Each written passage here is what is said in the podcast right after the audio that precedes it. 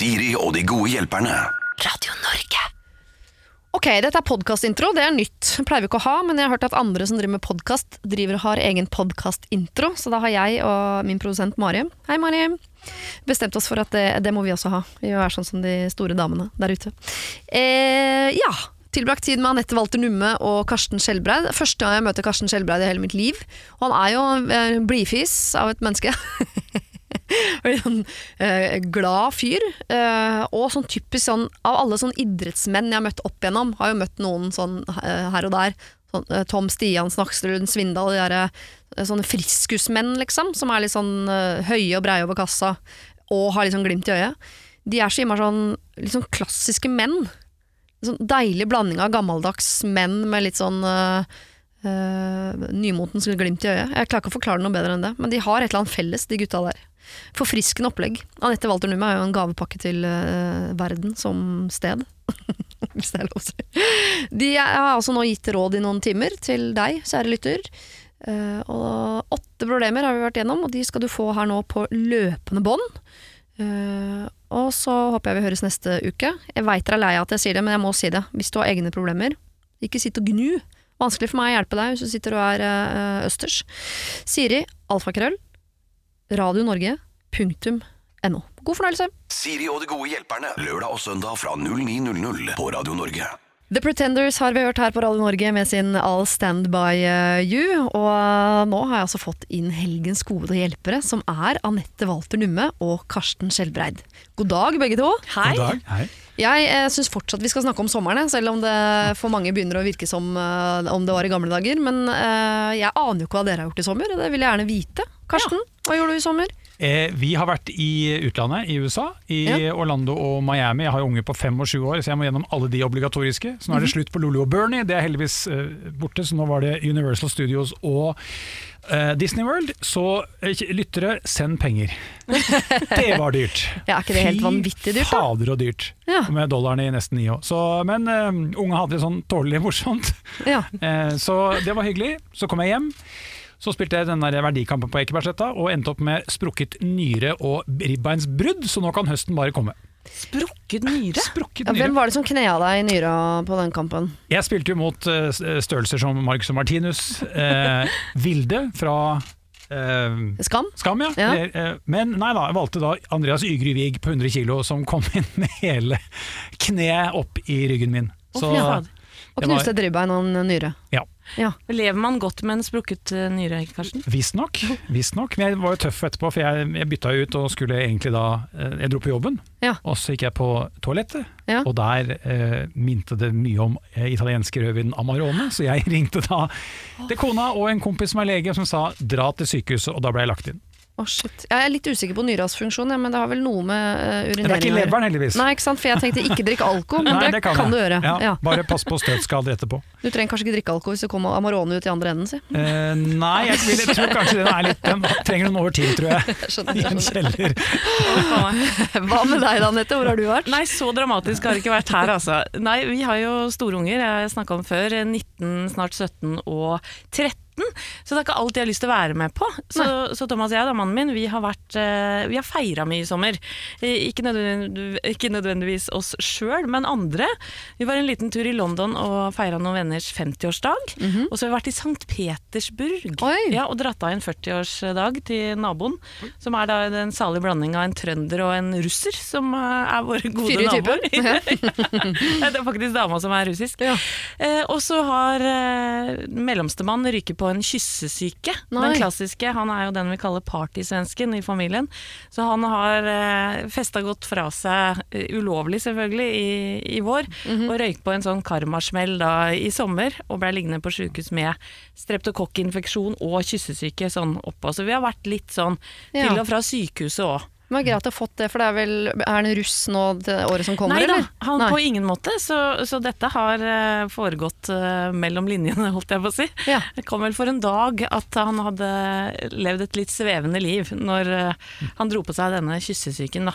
Ja. Så faktisk har det jo vært litt dramatikk i vår familie òg, når, jeg jeg- si. når jeg tenker etter. Ja. Men han er på beina igjen nå. Og det er jo leveren. Kyssesyken. Det er leveren. Det er leveren, ja. ja. Broket forsamling på mange måter. Dysfunksjonelle Det er heldigvis ikke så mye eh, kroppsdeler det som er problematisk her i dette programmet. Det er mest sånn eh, det mentale det går på eh, her. Eh, og da trenger dere bare magefølelse og en helt sånn ok hjernefunksjon, så det tror jeg vi skal komme oss eh, igjennom.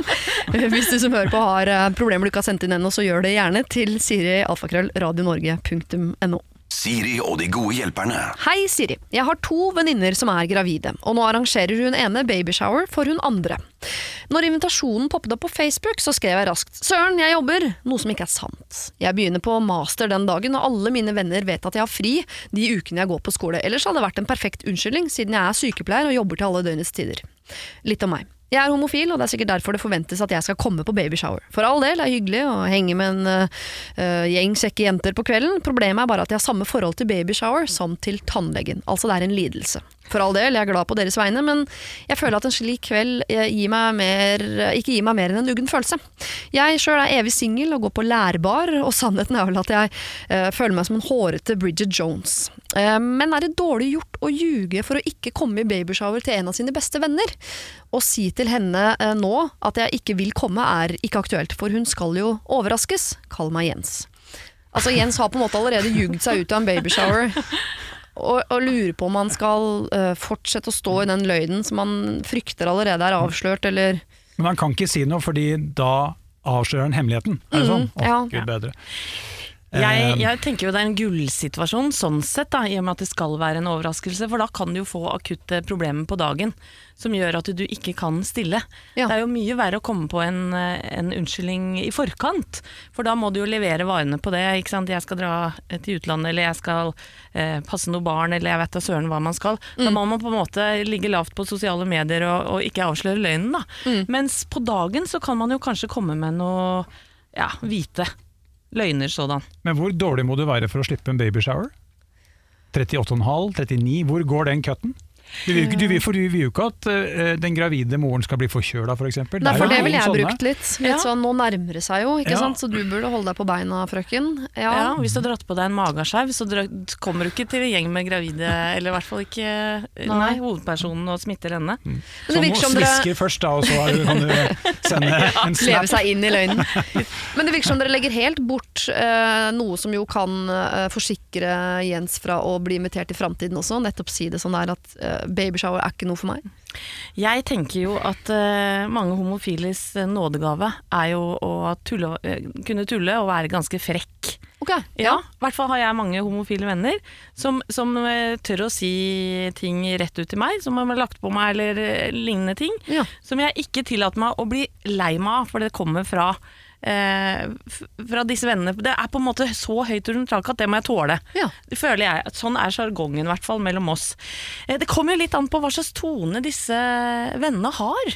Ja. Eh, For hvis han er den der rappkjefta gjengen som sa, sier at nå, nå, du, nå er du så gravid at du ligner på ja, en hval, eksempel. Ja. Eller, Og jeg er redd for hvaler, jeg tør ikke å komme. Aktig. ja, men lignende, eh, litt tullete, sårende mm, utsagn, så kan, kan det jo hende, Siri, at han eh, skal få lov til å si det som det er. Men i og med at han har sendt inn dette problemet, så, så ja, vi merker vel at han er litt passiv til det. Han tør ikke det.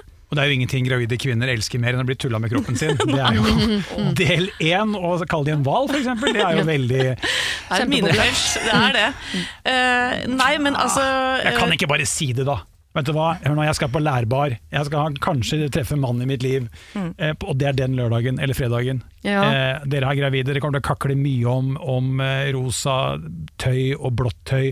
Jeg blir hjemme, jeg. Eller er... går på lærbar. Ja. Kan jeg ikke bare si det, da? Jo, jeg tenker, hvis, hvis det er det han mener, så tenker jeg at han kan si det. Samtidig som øh, hvis du har Hvis din aller beste venn uh, har babyshower, så du klarer å lide deg en time gjennom det, liksom. Eller? Er det en time? Altså, nei, Det velger man sjøl, eh, Hadde du babyshower, Siri? Nei, jeg har blitt sur hvis noen hadde gitt meg en babyshower. Det vil ikke jeg ha. Nei, for det fantes ikke da jeg var gravid, nemlig. Nei. Det var det fenomenet, jeg hadde ikke kommet til Norge, så jeg har sluppet å forholde meg til det. Men jeg har vært i én, og den varte og rakk, eh, må jeg si. Å ja. Fire, fem, seks timer. Oh, ja. Og hun gravide ble faktisk litt sånn snurt og sur, fordi hun hadde ikke noe lyst på det. Ikke sant? Oh, ja. Så der har vi jo alle mulige eh, varianter. Den der er jo løsninga. Jeg er homofil, Mm. men gammeldags. Jeg tror ikke på baby shower, så jeg blir hjemme. Ja. Ja, og så, Ja. Han er jo tross alt mann nå, da. Må, må han på en måte inn i dette kvinnefellesskapet? Er, er jeg veldig sånn middelaldersk nå, eller? Men finne, han- Finnes det baby shower hvor menn deltar? Gjør det det? Nei, for det gjør jo egentlig ikke det. I hvert fall ikke i, i min eh, Jeg har bare vært på, vennekrets. øh, jeg har vært på to, øh, heldigvis ikke flere. Der var det ingen menn. Nei. Jo, jeg tror ikke det er vanlig skjønner du, å be menn, så hvorfor skal han, stakkaren eh, som sender inn her, eh, måtte forholde seg til det bare fordi han er homofil? Er det en slags sånn uh, diskriminering her? og Kanskje han skal Ja. da dis diskrimineringskort, ja. Ja. Oh, ja, så dere tenker at jeg er litt mer som jenter, bare fordi jeg liker Hallo, Nei, vet du hva. jeg- nei. Jeg skal på lærbar, hold kjeften din. Ja. Nei, men, ja, for jeg trodde det var sånn at det er bare jenter. Jeg, jeg føler at jeg ødelegger litt. Ja. At det kommer en, eh, en mann inn i, inn i kurven her. Ja. Så kanskje bare litt sånn humoristisk eh, lure seg ut av det på den måten. Herlig dilemma, da. Ja. Ja. For et dilemma. Altså Enten ljuge på seg en mageskjev, Ja. eller kjøre diskrimineringskortet, spør du meg. Ja. Eller dra på lærbar. Ja, Ja. Men da gjør du jo det etter. Alt det der. alt det der. Ja. Og han spør jo nettopp deg, eh, og deg, Karsten.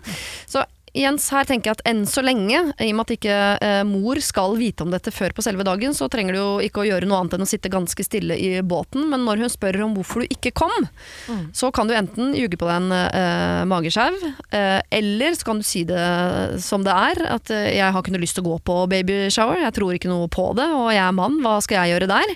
Og så legger du på en sånn lite hinting om at du føler deg bitte litt diskriminert, sånn at hun føler seg dum, så slipper jeg at hun blir sur på deg, fordi hun tenker at det er du som er sur på henne.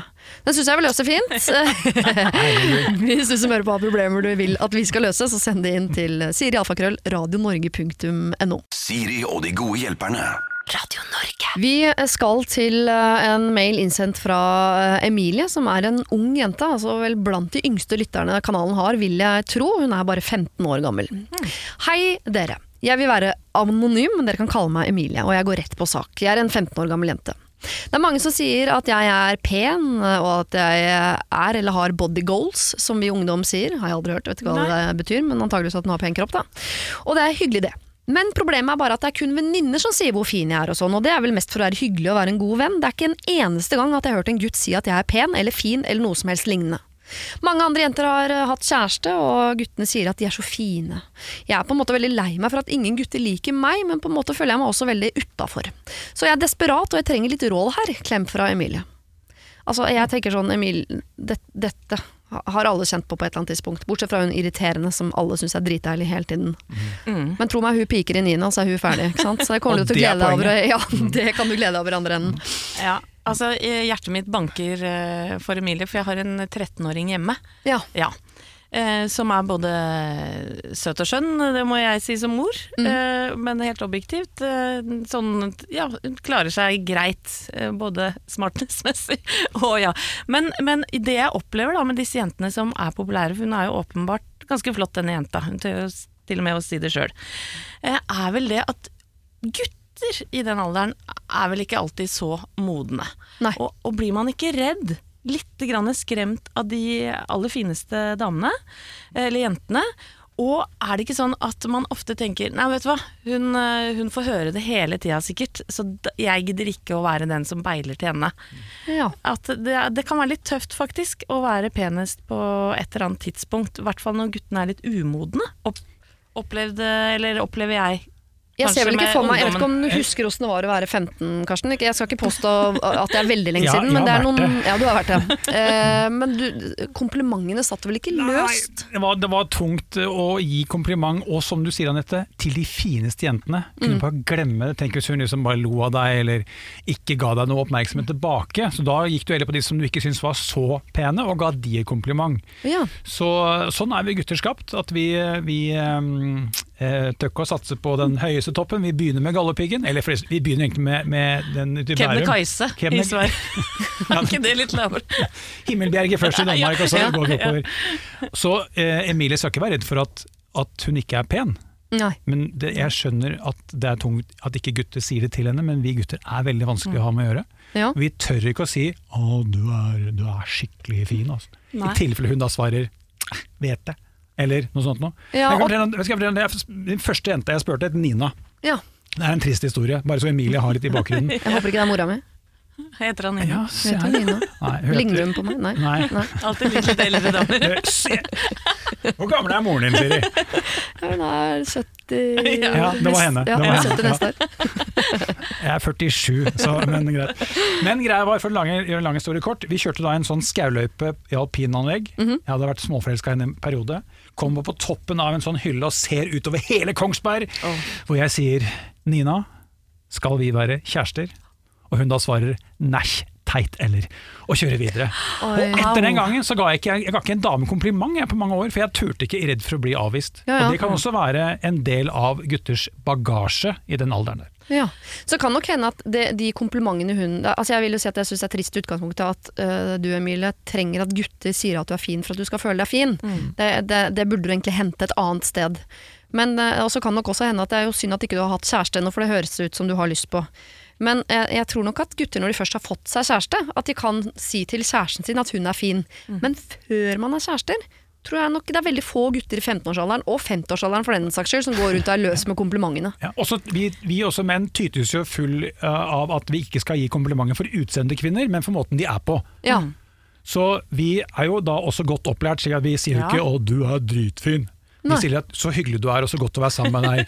Eh, Wow! Ja, ja, men Den moderne mannen er jo litt sånn. Ja. Jeg bare tenker at Emilie skal være glad for at hun får komplimenter av eh, jentevennene sine. ja. For det kan også være tøft. eh, Man kan fort bli sjalu i den alderen der. Ja. Og de komplimentene kan sitte eh, veldig hardt inn, eh, langt inne. Ja, ja. Så det at hun i det hele tatt får eh, ja, blir kurtisert av venninnene sine, mener jo jeg er Fy søren, ja, bare ta det til deg, da. Ja. Og så kan det også hende at det er noe med utstrålingen til Emilie, hvis hun er lei seg, føler seg utafor, at hun er litt utilgjengelig for gutta. Jeg mener ikke at du skal åpne opp så innmari, men være litt mer Bare noe med å åpne blikket og åpne kroppsspråket på at du er tilgjengelig for komplimenter, tilgjengelig for kjæreste. For hvis du er litt sånn I hvert fall er jeg litt sånn som hvis jeg går inn i et rom og tenker her er det ingen som liker meg, så kan du banne på at jeg, at jeg oppfører meg vanskelig å like, bare for å få oppfylt på en måte min egen uh, profeti, eller hva jeg skal si. Og så, tenk litt på det, Emilie. Tenk litt på hvor du skal hente den der gode følelsen på at du er fin og du eh, er en bra jente. Eh, Ikke tenk at det er gutta som skal gi deg den. Vær glad for at du får den fra venninnene dine. Um, kanskje er du så fin at de ikke tør å snakke til deg. Kanskje er du så utilgjengelig at de ikke tør å snakke til deg. Men det der er vi helt sikre på at handler om tid, og handler om modning, da spesielt hos gutta. Siri og de gode hjelperne. Lørdag og søndag fra 09.00 på Radio Norge. Hei Siri og dere to andre. I november ble jeg igjen venn med en av mine bestevenner, kall han Martin. Altså øh, Martin og innsender her som heter Kristoffer, de har vært venner, uvenner, blitt venner igjen. Fra november til april var alt helt bra, sånn som det skal være i et vennskap. Men så var vi ute med en felles venninne, og vi endte på en bar, jeg drakk litt for mye, og det endte med at vi ikke rakk siste tog hjem og måtte ta drosje, som naturligvis ikke var billig, og jeg skylder han litt penger, de skal han få. Litt senere i april ble jeg sittende lenge og snakke med kjæresten hans om han. Siden han er en som ikke sier så mye, så begynte kjæresten hans, kall hun Laila, å spørre meg om masse ting om han som hun var usikker på, siden forholdet var da såpass nytt. Og jeg er litt dårlig på å holde tilbake, jeg fortalte dessverre litt for mye, og jeg trodde jo at det vi snakket om skulle bli mellom oss. Men dagen etter så hadde han blokkert meg på Snapchat, og jeg sendte en melding hvor jeg fikk til svar 'dette gidder jeg ikke mer'. Helt fra den meldinga var det helt stille fra hans side, eh, mens jeg sendte ofte meldinger og beklaget meg. Men så, nå i sommer, så møttes vi på fest. Og da snakket de litt løs på denne festen, han fjernet blokkering, penger for taxituren ble gitt tilbake osv. Så, videre. så nå er de da blitt venner igjen. Problemet nå er at jeg vet ikke hva jeg skal gjøre. Jeg tror ikke det er lurt å bare late som ingenting, eh, men jeg vil jo at vennskapet skal bli så likt som mulig, sånn som det var før. Så eh, hva skal jeg da gjøre? Og så legger han til at i den taxituren, som var det fatale i dette vennskapet, så fikk altså da Kristoffer et angstanfall, og han er redd for at vennen Martin kan ha blitt skremt av det. Forstår Nei. dere? Her er det to gutter som er litt av og på i vennskapet. Ja. Kristoffer vil bare at alt skal bli som før. Men de er på igjen nå, da, Ja, nå er de på, men de har jo ikke snakka om at de var av, så det er sikkert litt sånn eh, Men Kristoffer må begynne med å gjøre en ting, og det er å si sorry til Martin. Ja. Hvis han har utlevert eh, kompisen sin på sin måte, så har han sagt sine ord som er blitt tolket da av Laila på sin måte, som da kommer ut altså via via tilbake igjen til Martin. Martin. Så han må jo begynne å si, vet du hva, eh, beklager at jeg snakka om deg til kjæresten din. Ja. For det, det, det er egentlig hun skal finne ut av det, og ikke hva du har gjort før. Det er egentlig ett fett. Det skal være noe mellom dere to, Ja. syns jeg. Så Ja. Da kan begynne der, og da tror jeg, da vil Martin si strålende. Eh, Vi begynner der. Og så får vi håpe at Kristoffer prøvde å hjelpe de som par, og ikke prøvde å sverte. Kan du håpe det? Ja, men da hadde, ikke, da hadde det ikke vært sånn 'dette gidder jeg ikke mer'. Da hadde han jo ikke skrevet det. Jo, men jeg, bare, jeg syns jeg hører at han har sagt noe sånn Ja, han er jo kanskje litt vanskelig å komme inn på, men du vet, han, eksen var jo utro, ikke sant, så det er derfor at han har prøvd liksom å hjelpe Laila til å forstå Martin. Ja. Og så i, i prosessen der så har han sagt noe om Martin som han tenkte eh, Men igjen, Kristoffer, legg deg flat. For Ja. da har ikke du noe med å si til Nei, Laila. for det er mitt poeng, eh, Karsten. For det er vel sånn at eh, han har brutt en bro-kode her. Eller sånn eh, eh, For hvis du er venner, eh, så skal du ikke utlevere kompisen din til noen damer i det hele tatt. Nei. Helst ikke. Nei. Ikke sant? Du, det, det, du skal si 'vet du hva', det, eh, det får du finne ut av sjæl, gutten min. Eller jenta mi blir det jo da, Ja. til Laila. Ja. Eh, Sånn at eh, det er det ene her. Mm. Så jeg er enig med legg deg flat og si unnskyld for det. Mm. Um, Men utover det, hvor mye skal de snakke sammen? Fordi her er det to tilnærminger til å komme seg tilbake til et noenlunde normalt vennskap. Snakke seg gjennom alt som har vært vanskelig, eller bare la det gå seg til. Ja, Men jeg tipper at det er det som er greia til Martin. Det er derfor han irriterer seg over Kristoffer. Så hvis Kristoffer legger seg flat der og sier at du snakker de ferdig om den situasjonen, Mm. og sier at vet du hva, det her Martin skal aldri skje igjen, tror jeg gutta kommer til å være kompiser i mange år. ja, for Var det Martin som hadde hatt angstanfall? Nei, det var Kristoffer. Det er Kristoffer, ja. Kristoffer fikk angstanfall i en taxi de måtte ta fordi Kristoffer var for full, og det var Martin som betalte for hele turen. Så jeg tipper han var litt irritert allerede der. Ja. Ja. Ikke sant. Å, men kompiser reagerer ikke på angstanfall på en negativ måte. Nei, nei bevare meg vel. Ja. Altså, jeg tenker jo at uh, hvis, hvis de er gode kompiser Altså, her er det jo Hvis grunnmuren i vennskapet er til stede her, så vil det gå seg til, tror jeg. Ja. Med en real unnskyldning og en klapp på skulderen. Nå vet vi jo ikke om Laila og, og han fyren er sammen ennå, er de det, eller? Det står det ikke noe om, men Nei. jeg kan jo legge til at Laila er i familie med Kristoffer.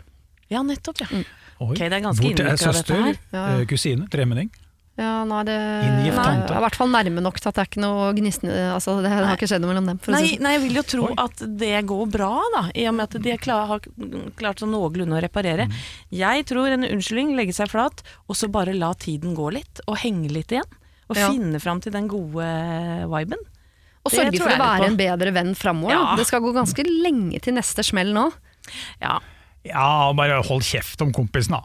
Det er jo ikke verre enn det. La, la nå han fortelle om det som han ønsker til andre, ikke gjør det sjøl. Det er så enkelt. Ja, det her kommer til å ordne seg. Ja, men eh, fordi Du tar jo lettere på dette enn det jeg ville gjort, antageligvis, Karsten. Men jeg, det er kanskje fordi det er litt mer takhøyde i, i sånn guttevennskap enn blant jenter. Det er, vi er litt mer som vi liker å suge på karamellen. Ja, vi, er ikke, vi, er ikke, vi er ikke så kompliserte, vi er, ikke, vi er, ikke, vi er litt enklere Ja. eh, på mange måter, vi gutter. Det er sånn, du får liksom én sjanse, så kan du bryte den kodeksen, men du gjør det ikke igjen. Men Du kan få tilgivelse for å gjøre det én gang, men gjør du det to ganger, så er det sorry. Ja. Og da klarer dere å gå videre og glemme alt det der.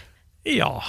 Du har jo brutt en, en tillit til en annen, så da Ok, sorry. Da, det er jo alltid en annen venn å finne, Ja. som kan bumpes opp til beste venn. Ikke Ja. sant? Og der har du den guttemåten kanskje å se det litt på. For at det å gjøre slutt med en eh, kompis, opplever jeg at det er mye lettere. Eh, selv om vi jenter blir surere på venninna, Ja. så klarer vi liksom ikke å kvitte seg med henne hvis hun er, eh, er dårlig. Eh, men mens gutta er litt mer sånn at vet du hva, faen heller, det orker jeg ikke. Å være kompis med han. Men her er de jo villige til å bygge stein på stein igjen. Ja. Så jeg tenker jo at uh, heng sammen litt, da. Ha det litt gøy, bare dere. Ja. Drit i Laila litt, eller så la Laila seile sin egen sjø. Hun er sikkert en grepa dame, altså, det tviler jeg ikke på. Men nå må de to være litt sammen, kanskje. Gjøre litt sånn uh, Ja. kompisting. Men Kristoffer, henda på ryggen, nei ikke ryggen, henda på sida blir det. Si sorry, legg deg flat, og så ordner det seg. Ja. Ja. Kristoffer, vi tror her at Martin kommer til å eh, være liksom kompis. Han trenger bare at du sier ordentlig unnskyld for de greiene, og at dere legger det bak dere. Trenger ikke å snakke noe mer om det, bare finne på litt ting sammen, dere to kompisene. Gjerne uten Laila osv. Og så tror vi at det der vennskapet dere hadde, eh, kommer til å bli eh, gjenoppstå, og at ting kommer til å bli akkurat som før. Men du må si unnskyld, og du må ikke gå på en smell en gang til. Det er i hvert fall mange, mange år til, for du har brukt opp alle korta dine, for å si det sånn.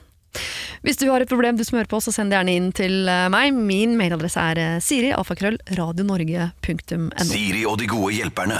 Send oss en e-post på siri at radionorge.no. Jeg ble dumpa av typen rett før sommeren fordi han følte at han ikke elsket meg lenger, og fordi han ville prioritere jobb foran meg. Jeg var knust en uke, lei meg en uke til, og resten av sommeren så har jeg bare vært jævla sint. Jeg er sint fordi jeg har innsett at jeg ble værende i et forhold selv om han sluttet å prioritere meg og brydde seg rett og slett ikke om meg og mitt liv.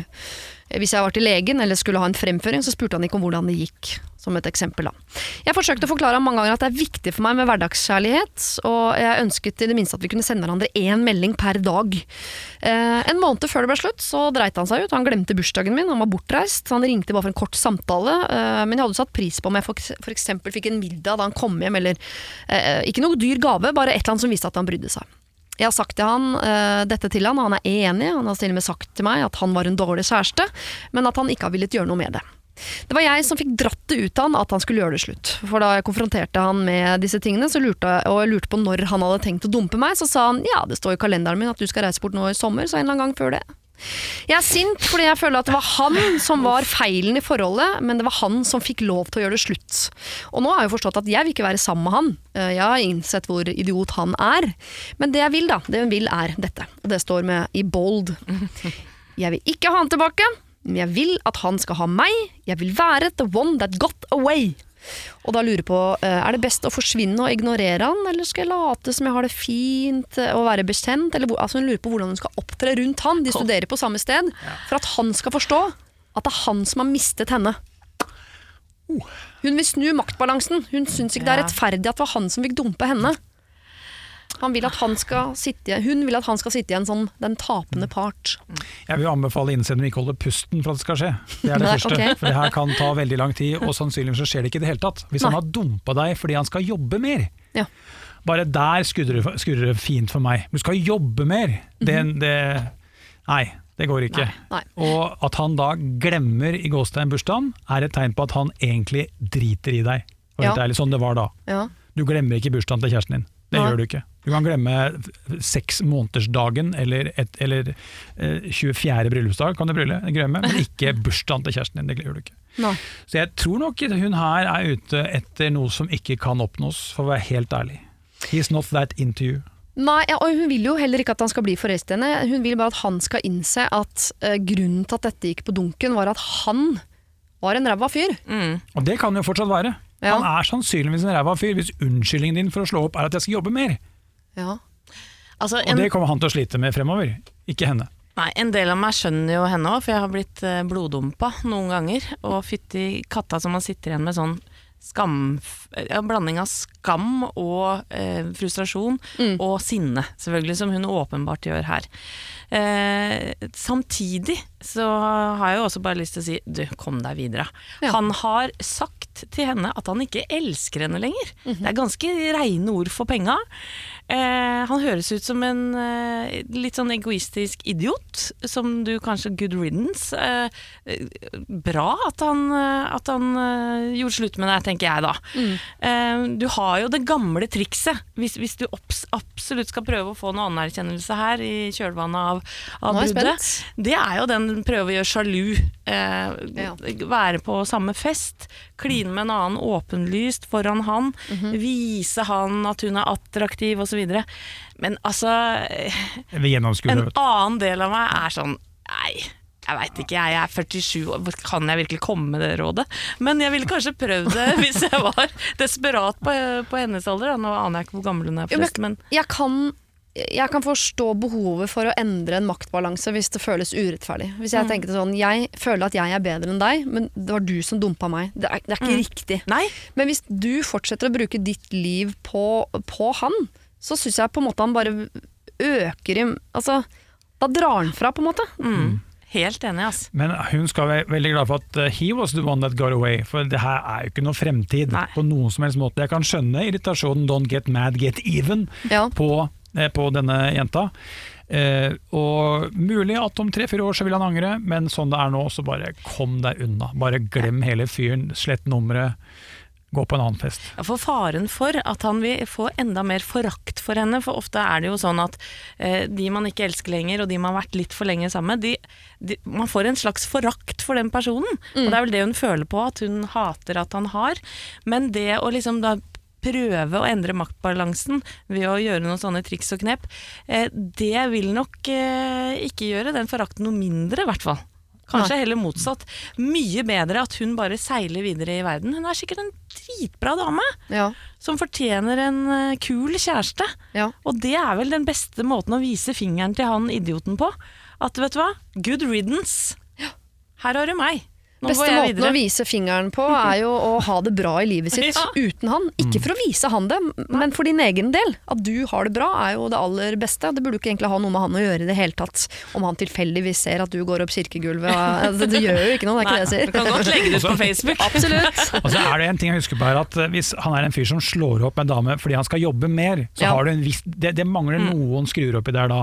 Slik at Han kommer sannsynligvis ikke til å ha et sånt veldig bra kjærlighetsliv fremover, uansett hvem han finner. fordi det, det bare minner av at han istedenfor å være tøff nok og si at vet du hva, nå er det slutt fordi at jeg har gjort det sånn og sånn, så pusher han henne til så langt at hun da må dra ut av han om at nå er det slutt.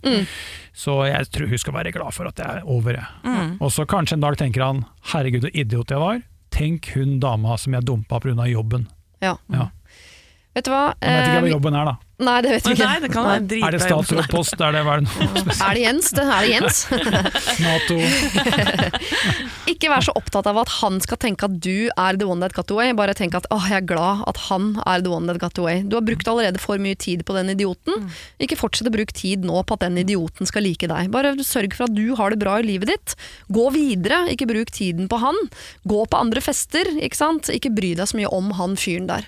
Om han på et eller annet tidspunkt kommer til å tenke sånn åh, der var jeg idiot. Ja vel, så er vi alle enige, da. Og husk, det går over. Siri og de gode hjelperne. Send oss en e-post på siri at radionorge.no. 13. januar så var Didrik Solli Tangen og Anne Rimmen mine gode hjelpere, og vi fikk inn et problem fra en som het Hilde, som var uh, muligens evig ulykkelig forelsket i sin sjef. Hun var singel, og han var singel, så var ikke noe sånt, men hun var usikker på om han var klar over at, han, at hun var forelsket i han, Eh, selv om de overnattet sammen og så på film sammen, og, altså, de hadde på en måte en slags relasjon, men hun trodde ikke at han visste at hun var forelsket i han, og lurte på om hun i det hele tatt burde si noe. Du skal få høre hva Didrik Soltangen og Anne Rimmen mente kunne være lurt her.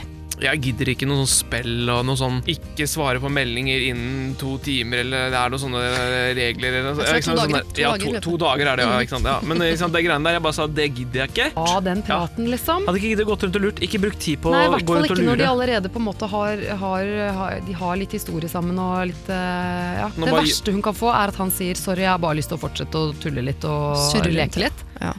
Dette var altså noe av det Didrik Solli Tangen og Anne Rimmen mente kunne være lurt for eh, Hilde. Vil du høre hele, så må du laste ned podkast fra 13. januar. Fått en ny eh, mail fra kvinnen som kaller seg Hilde, hvor hun skriver Tusen takk for at dere tok opp spørsmålet mitt. Jeg har gjort som dere sa, på et vis. Jeg fortalte sjefen min at jeg liker han veldig godt og ville ha litt mer. Jeg ba ikke om noe forhold, men at vi hadde noe mer fast. Han ble paff og sa at han ikke visste helt hva han skulle si, og at det var mye å tenke over. Ikke noe på grunn av jobb, altså, men hans liv. Han svarte at han liker meg veldig godt, men mer vet jeg ikke, så nå vet jeg faktisk ikke hva som skjer. Vi møttes igjen etter dette og var ute sammen og hadde det kjempemorsomt hele natta sammen. Akkurat som han minner meg på eh, det jeg liker eh, ved han, og nå eh, holder, meg, nå holder jeg meg igjen litt på avstand. Så foreløpig ser det ut som at jeg nok ender opp som hun i filmen The Holiday. Hilsen Hilde. Jeg går litt i surr ja, med disse uh, filmene, uh, The Holiday og uh, alle disse. Men jeg håper jo at det er som så mange andre filmer, at det er en slags happy ending der. Så når du sier at du tror du ender opp som hun i The Holiday, så håper jeg det betyr at det er en happy ending også for deg, med eller uten sjefen. Siri og de gode hjelperne. Eh, Vi skal hjelpe en eh, jente på 25 år som heter Hjørdis, eller i hvert fall kaller seg Hjørdis, og hun skriver. Jeg er evig singel og har ikke vært i et forhold siden jeg var 17. Mine venninner er godt i gang med å etablere seg med kjæreste, hus og barn. Og tidligere har ikke dette stresset meg, men nå gjør det det, spesielt også når venner og familie maser om at jeg skal finne meg kjæreste, og anklager meg om at jeg kanskje er skapelesbisk, noe jeg ikke er. Dette har fått meg til å begynne letingen mer seriøst, og det er her jeg trenger hjelp. Jeg har nemlig lyst til å finne en å dra på fjellturer med, feriereiser og tilbringe kveldene mine sammen med. Men det som nesten uh, alltid skjer med de guttene jeg holder på med, er, uh, eller snakker med, er at de virker interessert i starten, men så mister de interessen etter hvert. Ofte vil jeg gjerne holde kontakten lenger med en gutt, men ofte er det ingen som spør meg om å faktisk møtes. Jeg føler dette kan være gutten sin oppgave, selv om jeg også kan ta inch, altså. Jeg blir alltid gang på gang dumpet, og hun setter dumpet i anførselstegn, for det er jo da folk hun ikke har vært sammen med, men som hun har hatt noe på gang med. ikke sant? Noe som tærer på selvtilliten min, og jeg tenker at det handler om min personlighet. At de ikke liker meg fordi jeg er kjedelig eller rar, eller Hva tror dere er problemet bak at disse guttene mister interessen for meg? Og er det noe jeg kan endre på? Håper dere har lyst til å hjelpe en kvinne i nød. Hilsen Hjørdis. Altså, det er umulig for oss å vite hvorfor disse guttene mister interessen. Au. Men er det noe Hjørdis kan gjøre når hun gang på gang opplever at hun har fisk på kroken, men får den ikke opp på land? Ja, eh, jeg tipper at Hjørdis da dater samme type gutter. Oh, ja, Går etter det samme hele tiden, okay. antar jeg. Eh, jeg vet ikke, men du kan jo forsøke å forandre fisken, da. Ikke bare ta laksen, ta en med laks. en De holder oss til å. Ja. bytte agn, er eller flytte seg til en annen brygge. Bare som fiskemetaforer gjennom hele. Og det er lov å kaste ut snøret.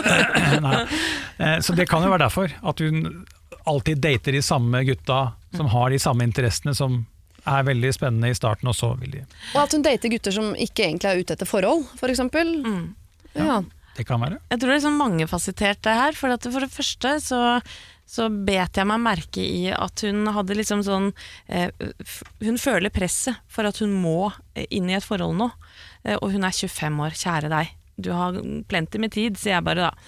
Eh, men eh, det kan kanskje den andre parten føle litt på.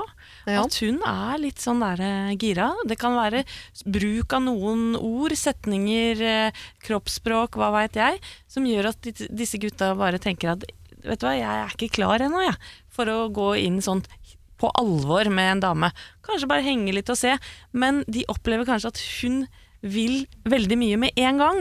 Ja. Så det er vel noe med kanskje bare å eh, I hvert fall overfor andre mm, senke skuldrene, spille et skuespill, late som det ikke betyr så mye. Mm. Jeg vet Hard ikke. to get-varianten. Ja, ikke det er ikke alltid det funker, altså. Men bare litt mer sånn Ikke likegyldig heller, men avslappa. Ja. For jeg tror ofte den derre eh, jeg, jeg tror det skinner sånn gjennom da, hvis du er for gira. Hvis Selv om det er på vanskelig. date én er sånn, hvor mange barn vil du ha? Ja, ja, ikke Hvor sant? vil du gifte deg? en? Da er klart, da får du litt trøbbel. Kommer litt litt an på tonen i daten her, altså. Ja, jeg er helt enig, samtidig som jeg bare er så redd for at det uh, også kan være motsatt. Fordi jeg har jo opplevd også at jeg, nettopp for å ikke virke pågående, har vært altså så avslappa og kul at den man holder på med, tror man er kompiser. Ja. At den dagen uh, du faktisk er litt mer sånn Du, gutten min, jeg tenker at vi burde bli sammen. At man er litt strengere og, og faktisk tør å vise hva man går og, og tenker på oppi toppen her. Det er da de på en måte våkner og sånn Å ja, det, jeg trodde ikke du Du virker faktisk Det er i hvert fall jeg har fått høre fra gutter før. Så det, jeg visste ikke at du var forelska i meg. Du virker faktisk ikke så veldig interessert. Og det er et godt poeng, for vi har ekstremt tungt for det, Ja. vi gutter. Vi er, ja, men det er vi. vi. Vi skjønner ikke at vi på en måte er et aktuelt, eh, eh, altså en aktuell partner, før noen sier det til oss. Ja. Skal vi være sammen? Å ja, du, du var interessert på den måten? Ok. Så gjerne vær ærlig med gutta. Hvor, hvor, helt enig med deg, Siri. Men det er jo kjempevanskelig hvis man skal være ærlig.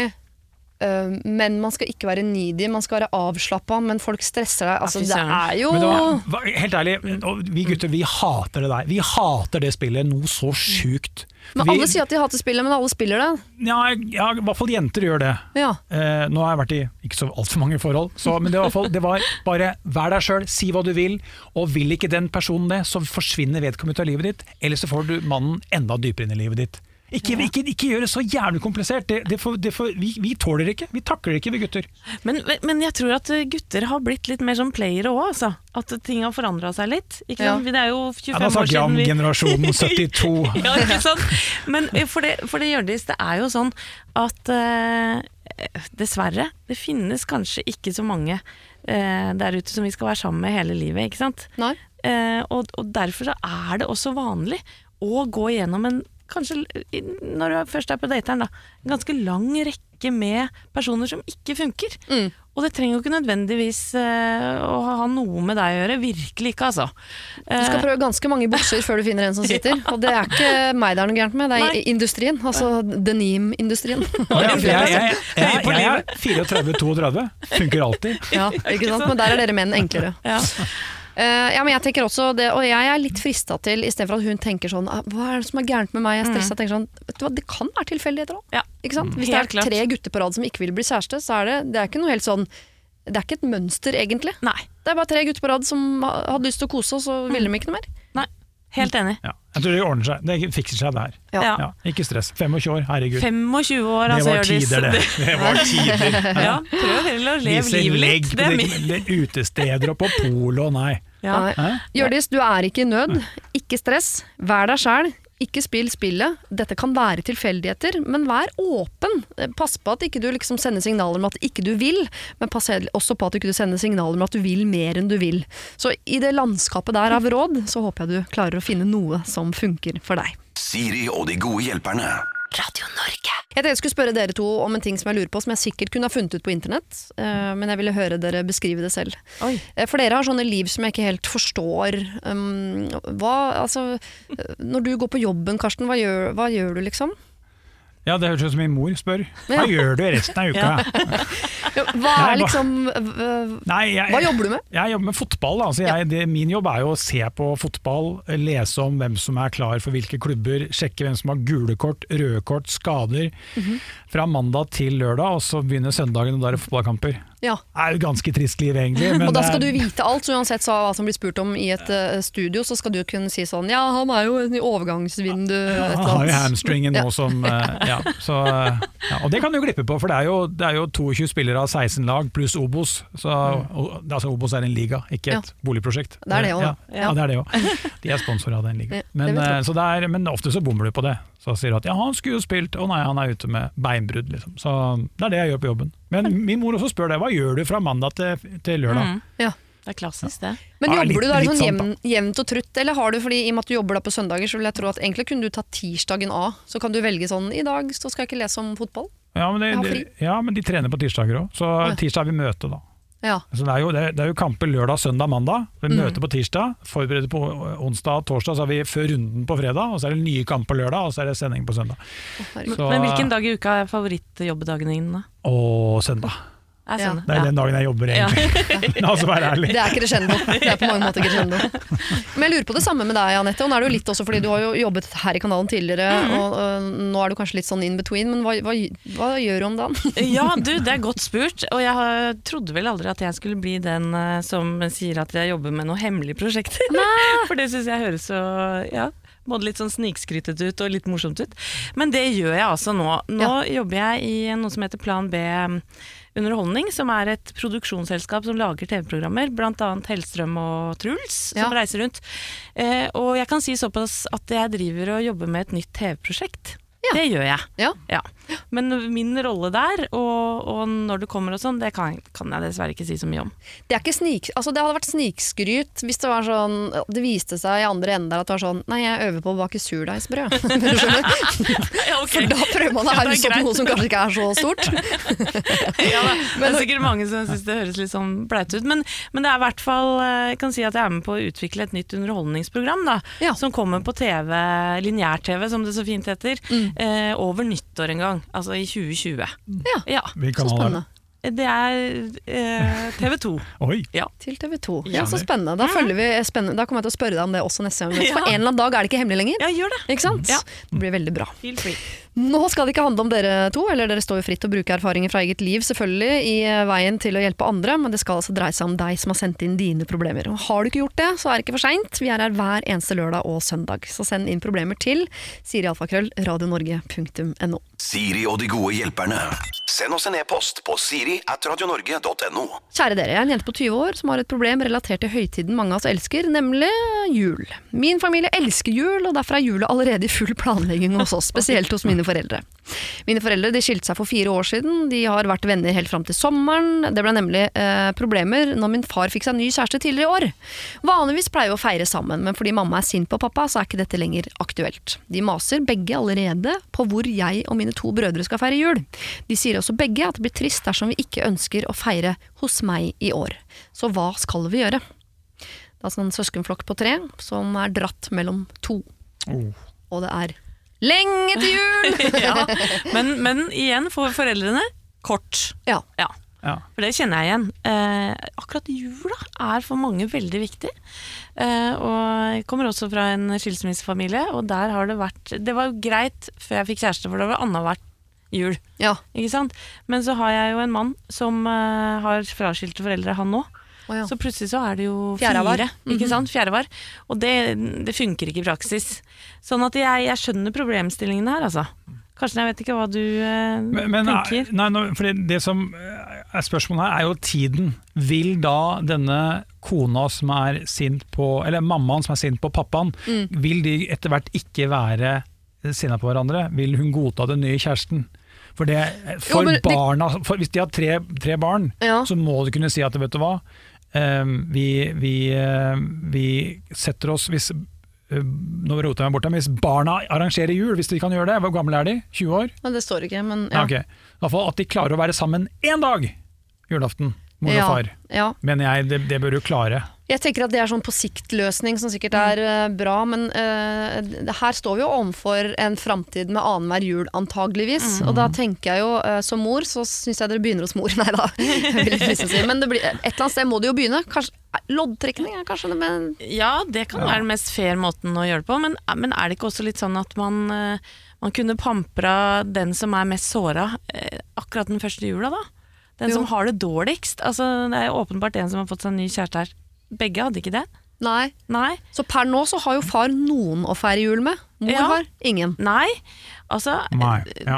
og liksom fri til far og si Vet du hva, pappa, det hadde vært hyggelig å feire hos deg, Mm. men akkurat jula er jo litt viktig for mamma, og du har jo fått deg en kjæreste som eh, Ja, jeg vet ikke om de liker henne eller ikke, men, eh, men eh, samme det. eh, Er det greit at vi er hos mamma i år, eller? Og Ja. bare være ganske sånn streit på det, for jeg tror at det der den skilsmissen kan være som et åpent sår de første åra, Mm. og akkurat jula er så vond og hard for mange.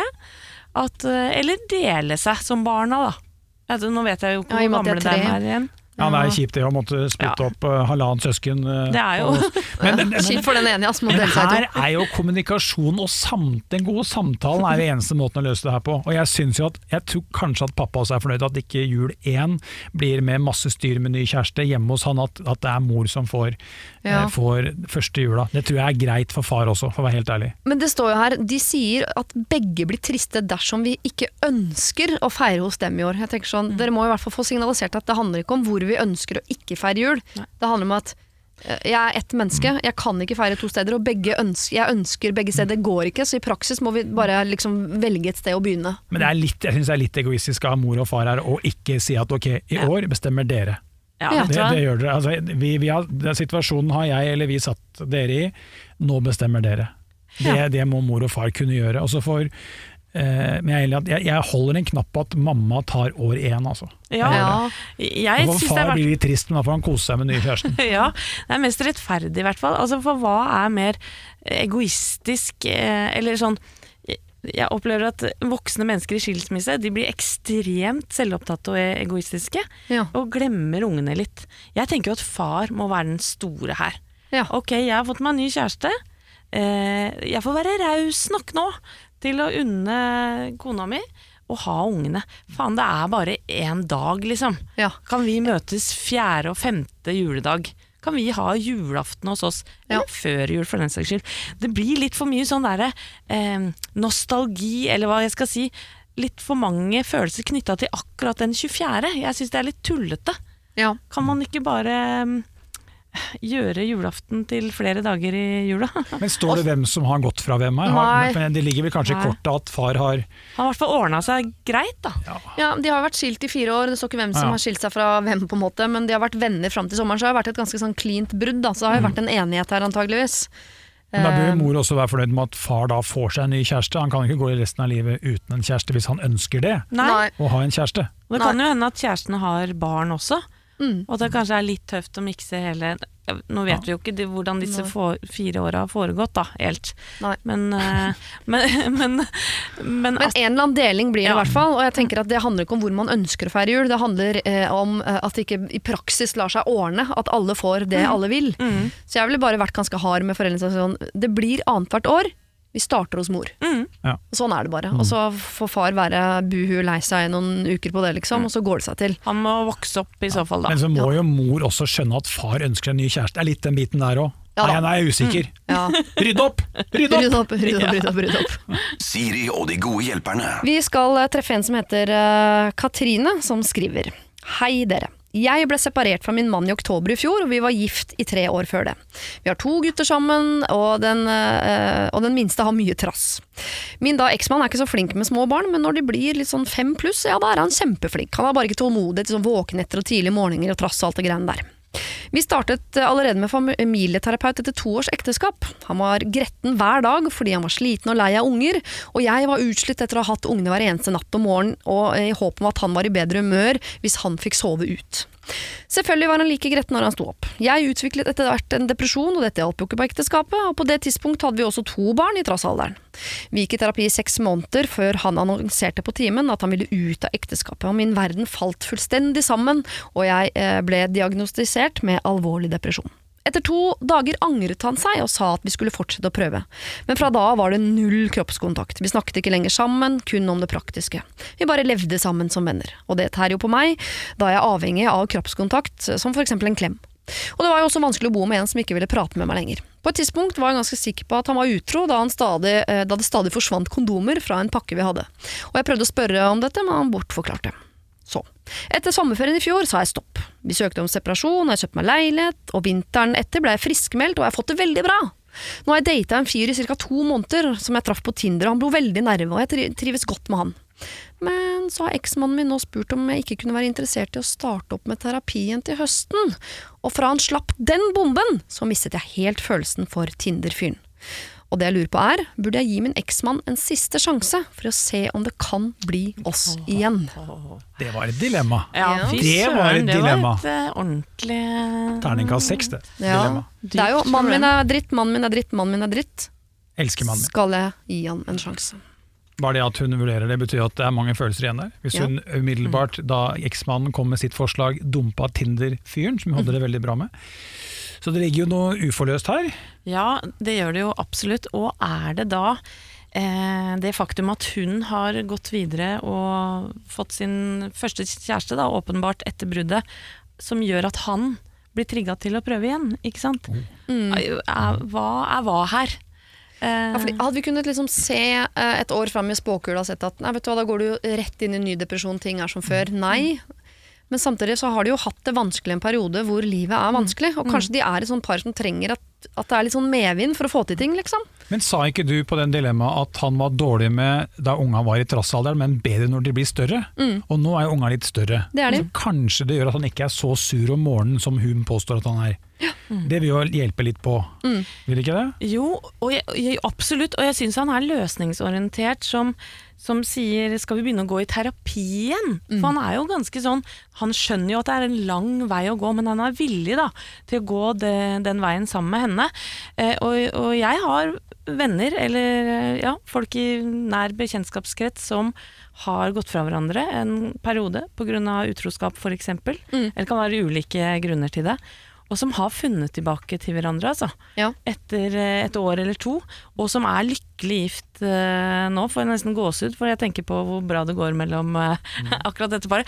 Uh, sånn at jeg er jo litt sånn som tror at man skal gå en runde til, jeg, da. Jeg heier jo litt på det, jeg jeg også. gjør det, altså. Samtidig som jeg heier jo ikke på det når du hører om de som til stadig går tilbake og som aldri lærer. Men dette her er jo Dere har prøvd én gang skikkelig, det gikk ikke.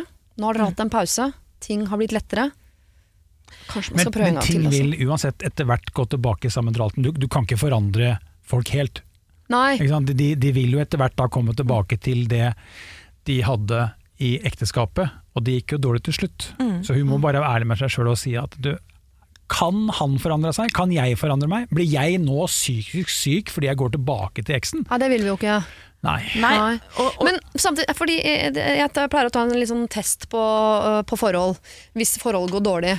Er det forhold som er dårlig, eller er det alt rundt som gjør at man ikke får det til? Ikke sant? Så det er sånn typisk sånn Når man går inn i ferie, så merker man at, hvis, ma- at man liker mannen sin dårligere av å se han mer, eller om man liker mannen sin bedre av å se han mer. Ikke sant? Og da handler det om Man kan jo miste kjærligheten i logistikk og, øh, og være trøtt og alt dette her. Så kan det hende at øh, Katrine og mannen egentlig er eh, et veldig veldig bra par. Det bare blei for mye av de andre greiene rundt. Men det vil alltid være der.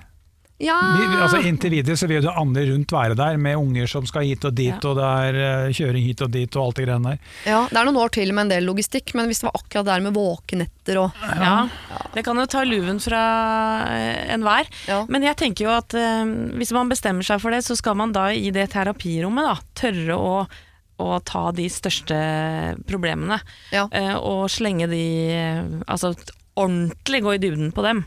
For det at det har jo åpnet vært, åpenbart vært heavy greier, dette her. Ja. Eh, og, og hun må jo også prøve å finne ut Vil han tilbake til meg fordi eh, han er liksom sånn mm, sjalu, eller eh, fordi han har sett at jeg evner å elske en annen, ikke sant. Sånn at eh, det, det kan være litt sånn tricky. Ja. Eh, um, Men det vil jo finne ut av i terapi, da. Og hvis Mm. følelsene for han Tinder-fyren har falt helt bort nå, Ja. Så tenker jeg at du har plass til å se om det er gnist fortsatt Ja. med eksen i, i terapirommet, på en måte. Vi er jo alle tre godt gift, eh, og vi heier jo på, på folk som, eh, som kan få det til sammen. Og det er jo ingen som sier at det er en dans på roser eh, å være gift Nei. eller sammen. Nei. Det går opp og ned, det gjør det jo. Såpass ærlig skal man jo være. Men man må liksom ha den der, det, igjen da, det fundamentet i bånn, og det tror jeg kanskje man finner ut i løpet av de, de, de samtalene i terapirommet. Ja. Er det liv laga, liksom? Har han de riktige intensjonene for å gå inn igjen i forhold med meg? Mm. For det, det tror jeg du merker ganske fort. Og så tror jeg hun skal være strengere med han også i forhold til ikke liksom, at hun tar alle morgenene for å sørge for at hun skal være frisk og opplagt på øh, Eller så han kan være blidere sånn at jeg syns jeg, jeg hører en som går litt sånn på tå hev rundt mannen sin for å sørge for at ting skal være sånn helt ok. Der tenker jeg at du skal være bitte litt strengere. Ja. Holde han litt, litt sånn strammere i nakkeskinnet, han øh, fyren der. Men gi det en sjanse. Det syns vi. Gå en runde i terapirommet med mannen din og se hva som er der. Men, øh, og, og når man skal gi det en sjanse, så må du gjøre det med åpne armer. Virkelig. Men jeg ville fulgt med litt ekstra. Litt grann ekstra ville jeg fulgt med. Ja, absolutt. Hva på den kondomskuffen, hvis de har det. Ja, den ville jeg fulgt med på. Litt Men, grann men bare der, da. Altså, hvis han først Ja. var utro, så hadde han sikkert kjøpt seg sine egne kondomer på Shell eller på, på Circle K. Ikke Ja. tatt av skuffen. Men det er vel ingen som onanerer med kondom, er det det? Nei, men du hadde Du er vel ikke så idiot at du tar ut to kondomer av ekteskapskondomskuffen? Nei. Nei, det, er, det er mye der som Det er- øh, det er mye altså, Det er noe tillit som må på plass, og det er mye Ja. som må på plass, men vi syns dere skal prøve en ekstra runde.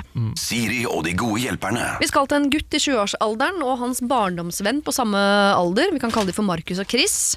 De er bestevenner, og de kommer alltid til å være der for hverandre hvis de trenger noe. De er del av en vennegjeng på en ti stykker, og på et tidspunkt så var det sånn at eh, Chris fant, uh, falt for en av jentene i gjengen og prøvde lykken, men hun ville ikke ha han, og han har lagt det bort. Så gikk det en stund, da, uh, og så er det sånn at Markus også har fått interesse for den samme jenta. Og Da ringte han kompisen sin og spurte om det var greit at det kanskje ble noe mellom de. Det var helt greit, det. Han sa på den tiden at han jeg har ikke noe følelse for henne lenger, og han sa rett ut bare kjør på. So I did. Nå har det gått litt tid, og jeg merker at jeg og den jenta vi går veldig godt overens, og jeg føler at hvis vi fortsetter sånn som dette, så kommer vi sannsynligvis til å bli sammen. Men her om dagen så ringte kompisen min. Vi har en dag i uka hvor vi prater på telefonen i godt over en time, og disse samtalene elsker jeg! Eh, Det er litt sånn at vi tar igjen den tapte tiden, fordi han er i militæret, og det er ikke jeg. Så de bonder alltid da den timen på telefonen en gang i uka. Og da kommer det altså fram at denne kompisen har fått tilbake følelsene for denne jenta. Og han vil ikke være av typen som ber meg om å holde meg unna, men han hadde jo likevel et ønske om det. Han sa han fortalte meg om dette siden han følte at sjalusien var i ferd med å snike seg på han. Av sympati for min gode venn sa jeg at jeg skulle holde avstand, noe han satte veldig pris på. Men etter at han sa dette, så ble jo denne jenta så mye heitere enn hun hadde vært fra før. Jeg vet ikke hvordan det er mulig. Så spørsmålet mitt er jo hva jeg skal gjøre. Og by the way, jeg elsker denne situasjonen av en eller annen merkelig grunn, av konkurransen. Og hele situasjonen er bare fristende. Eh, Men jeg tror allikevel jeg vil si at eh, konkurransen om den jenta er ikke viktig nok til at det skal gå på bekostning av 20 års vennskap. Men jeg har ekte følelser for henne, så what to do? Hilsen da Markus. Ta den korte svaret først. Det er godt å høre at bromance lever. Ja, Stå ved, stå ved kompisgreia. Men hva er bromance da? Å unne kompisen kjærlighet, eller å frastå fra kjærlighet?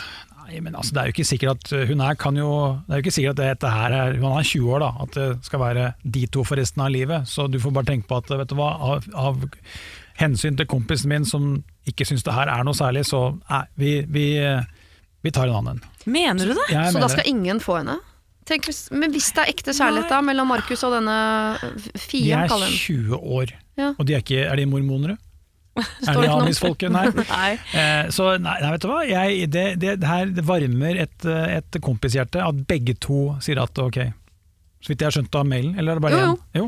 Nei, men jeg, uh, Eller han ene, da. Sa det Ja. at eh, jeg ja. Nei, det, for etter hvert så kan det hende at han sier vet du hva, nå er de følelsene faktisk borte igjen. Ja. Men da har du både kan du få hun jenta du er interessert i, og beholde vennskapet. Fordi det kommer til å gå over. Han er jo ikke forelska i hun resten av livet.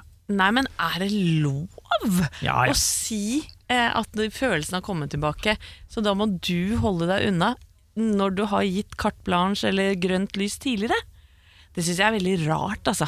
jeg hadde skjønt det hvis Chris og den jenta hadde vært sammen, og at han hadde varme følelser for henne etter Mhm. et eh, Men det er jo ikke sånn at Herregud, jeg tenker på hvor mange hundre gutter jeg har vært forelsket i. Om jeg skulle lagt sånn uh, veto på de. Sånn han og han og han har jeg vært forelska i, så er de av bordet for dere, folkens. De liker jo ikke meg i det hele tatt, men drit nå i det. Jeg har vært forelska, så de er off the table. Ja. Nei, men jeg, jeg, Da får jeg være imot strømmen her. Altså, Ja, ja. Jeg syns det er godt å høre at to gutter sier at ok, vet du hva, jeg har faktisk følelser for deg. Det kan ødelegge vårt vennskap. Vi har kjent hverandre i 20 år.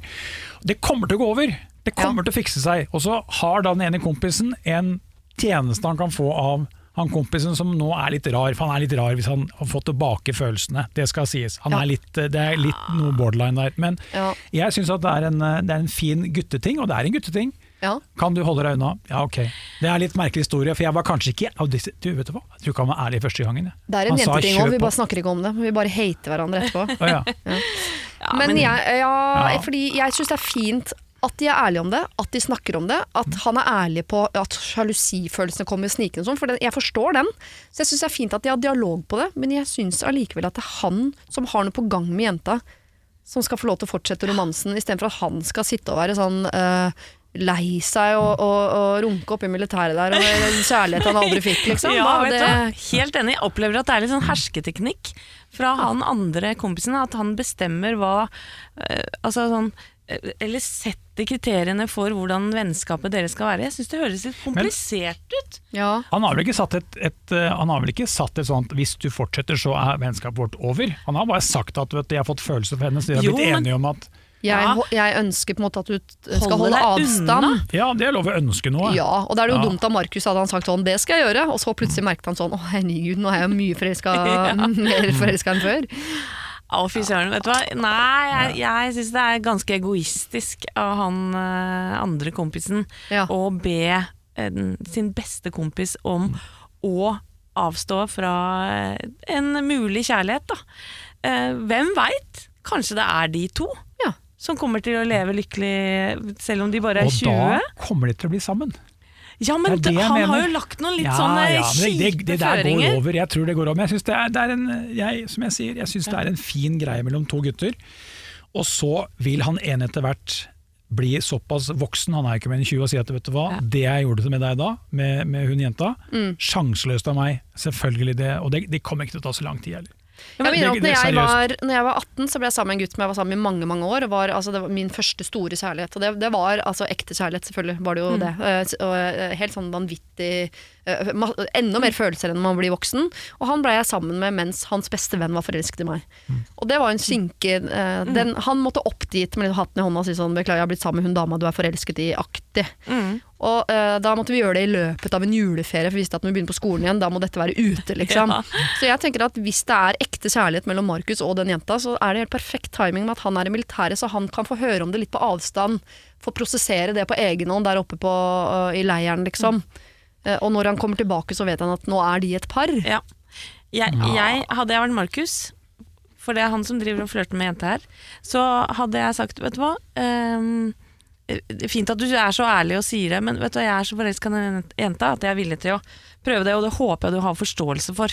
Ja. At vi er kompiser allikevel, for jeg er så glad i deg. Ja. Setter så pris på vennskapet vårt. Men ikke be meg om å velge her, vær så snill. For det er, det er for tøft. Ja. Det kommer til å ordne seg. Jeg tror det. Det kommer Ja. til å ordne seg, for han kommer til å skjønne han kompisen at det, det, det gjorde den Han er litt der. umoden. Ja.